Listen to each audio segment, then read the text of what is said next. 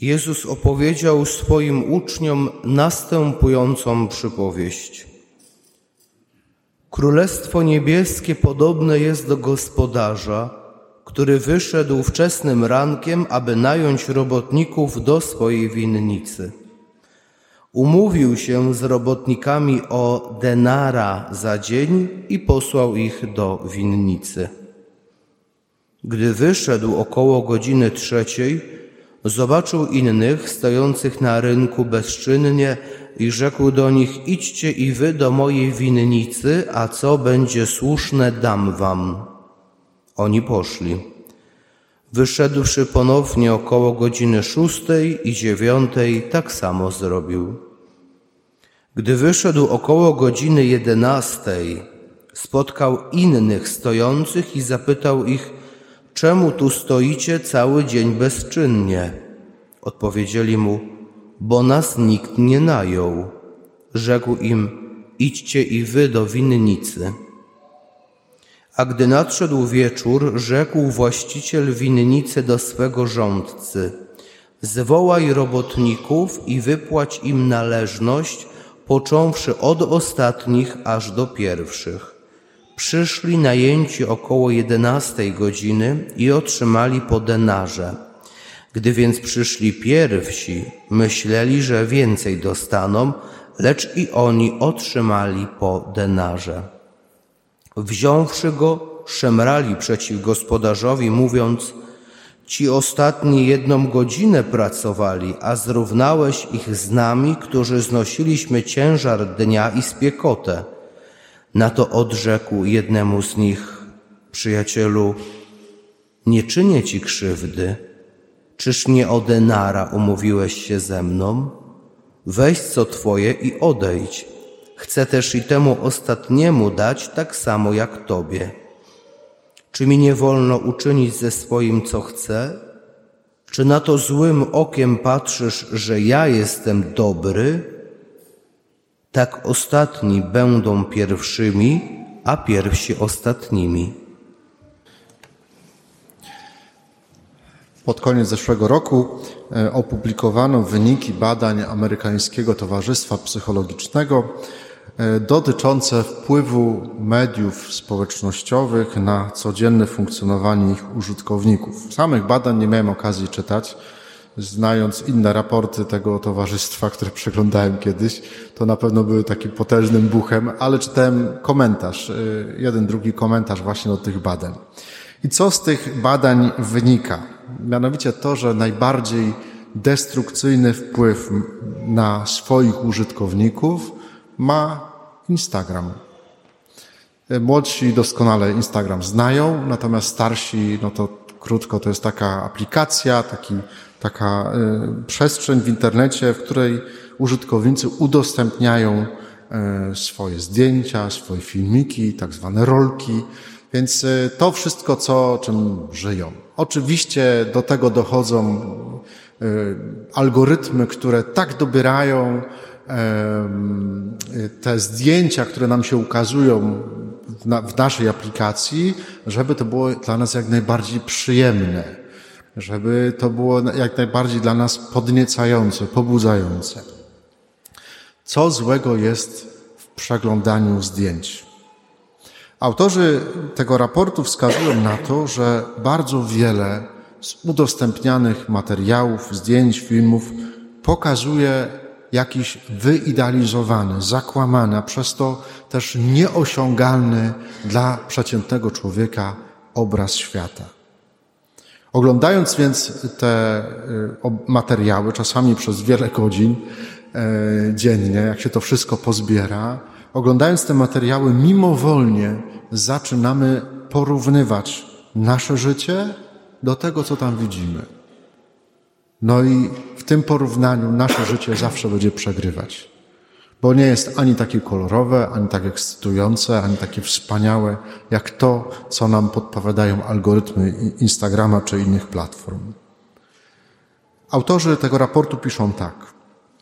W szczególności użytkownicy, którzy angażują się w poszukiwanie popularności w internecie i oceniają siebie w stosunku do innych, zwykle doświadczają negatywnych skutków psychologicznych.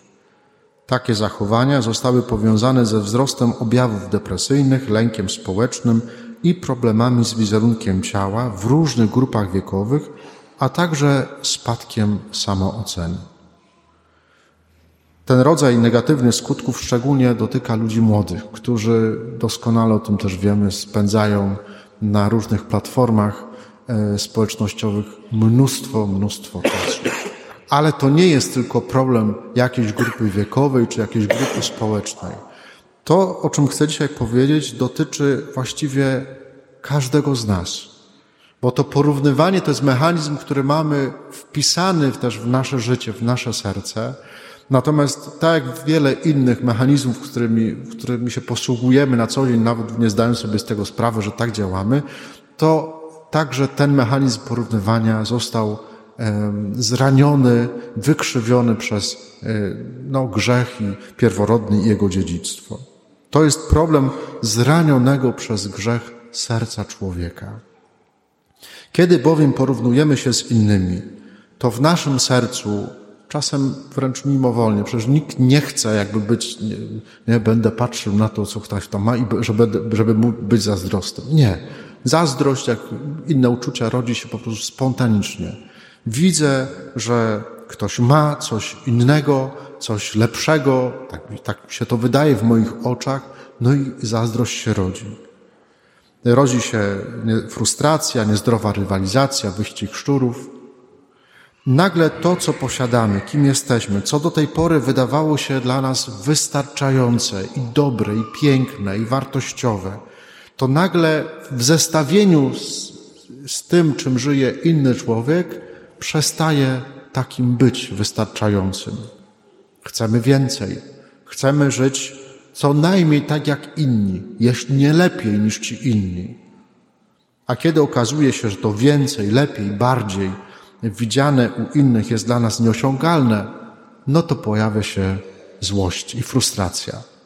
No bo nie jestem w stanie tak wspaniale wyglądać jak niektórzy w internecie. Tak? Więc to, to bardzo taki, rzeczywiście tak to, tak to działa. Dlaczego o tym mówię? Zwróćmy uwagę, że ci robotnicy z tej dzisiejszej Ewangelii, z tej przypowieści, którą Pan Jezus opowiada, nie mieli żadnego problemu ze swoim wynagrodzeniem, ze swoją pracę, kiedy umawiali się z gospodarzem. No bo on im obiecuje jednego denara. Jeden denar to była naprawdę świetna dniówka, świetna stawka za dzień. Bardzo dobre uposażenie. Cała rodzina z tego jednego denara właściwie mogła się przez ten jeden dzień utrzymać. Problem pojawia się wtedy, kiedy ci pierwsi, którzy pracowali przez cały dzień, zobaczyli, że ci, którzy pracowali najkrócej, bo tylko jedną godzinę, również otrzymali jednego denara. Dopiero wtedy, kiedy się porównają ze sobą, to dopiero wtedy pojawia, pojawia się w nich zazdrość, złość, utyskiwanie na gospodarza, no bo myśleli, myśmy się spodziewali, że dostaniemy więcej.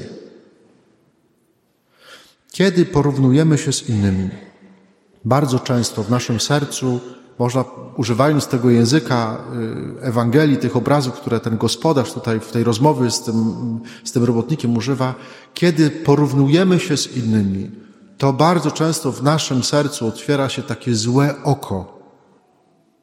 To jest, co to znaczy takie złe oko? To znaczy, to jest taki rodzaj patrzenia na siebie i na innych, który bardziej widzi, pożąda, docenia to, co mają inni, niż docenia, jest wdzięczny za to, co samo posiada.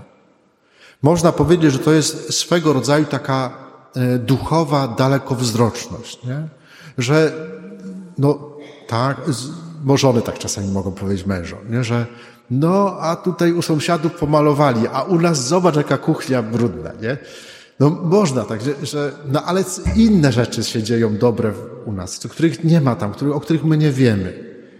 Mówimy wszędzie dobrze, gdzie nas nie ma. No to właśnie można w takim, w takim kluczu też to czytać, nie? że y, tam, gdzie nas nie ma, gdzieś indziej u tych innych zawsze będzie wydawało się, że jest lepiej.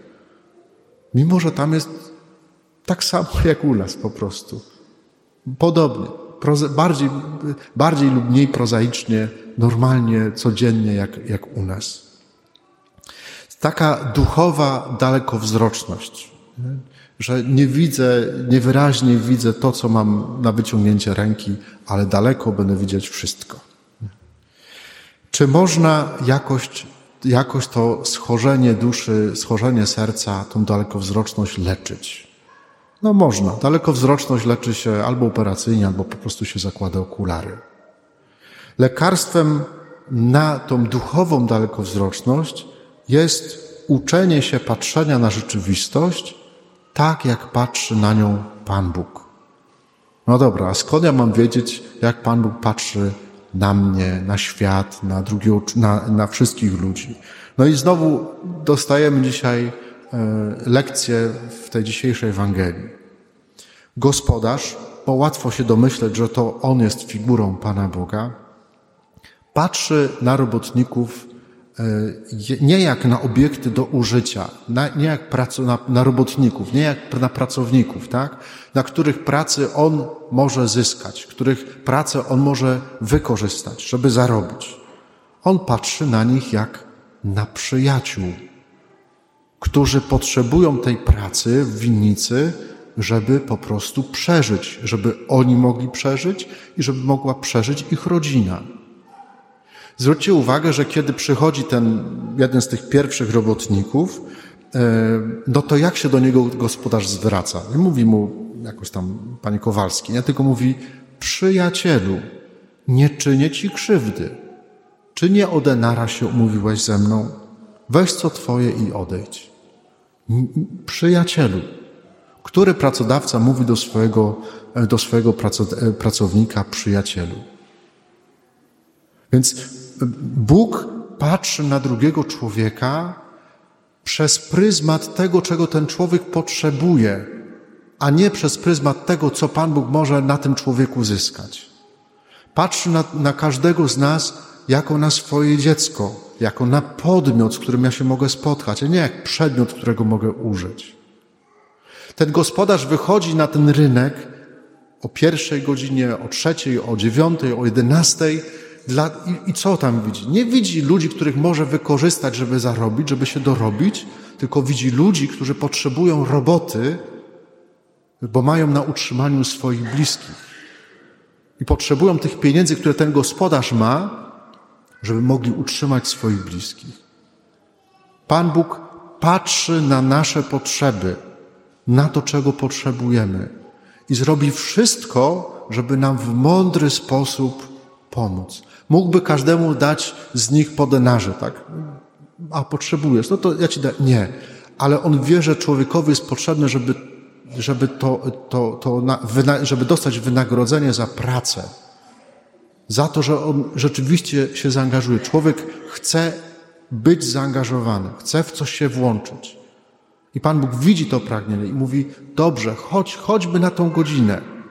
Niewiele przez nią zrobisz, ale ja mogę się podzielić tym, co mam z Tobą. Mogę Twoje potrzeby zaspokoić.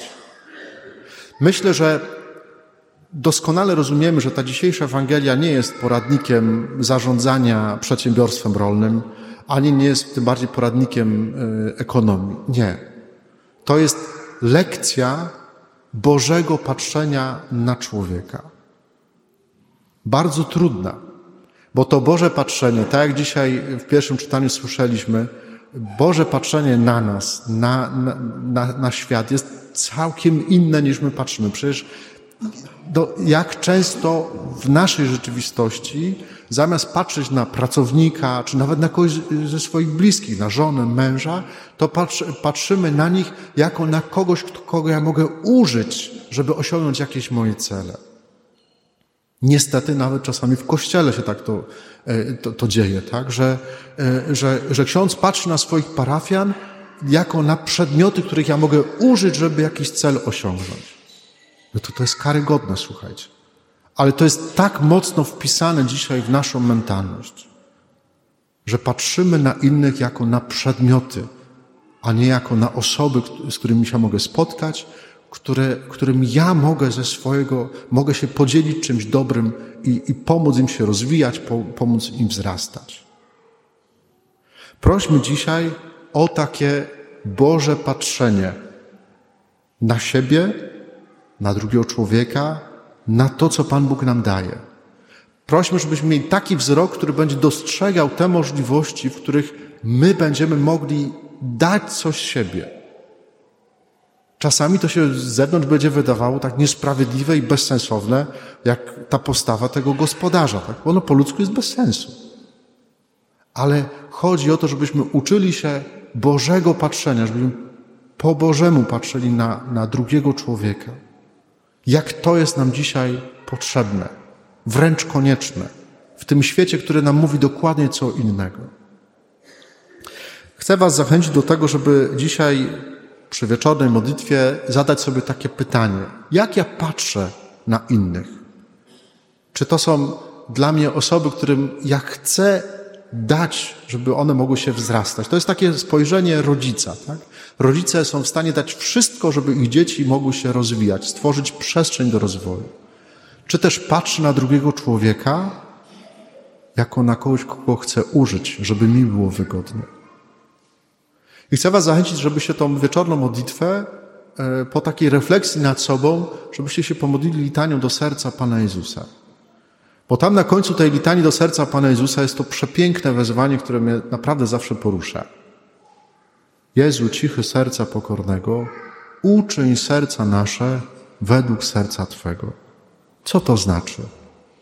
Panie Jezu, proszę Cię, żebym tak żył, jak Ty żyjesz. Żebym tak mówił, jak Ty mówiłeś. Żebym tak wchodził w relacje, jak Ty wchodziłeś w relacje z innymi.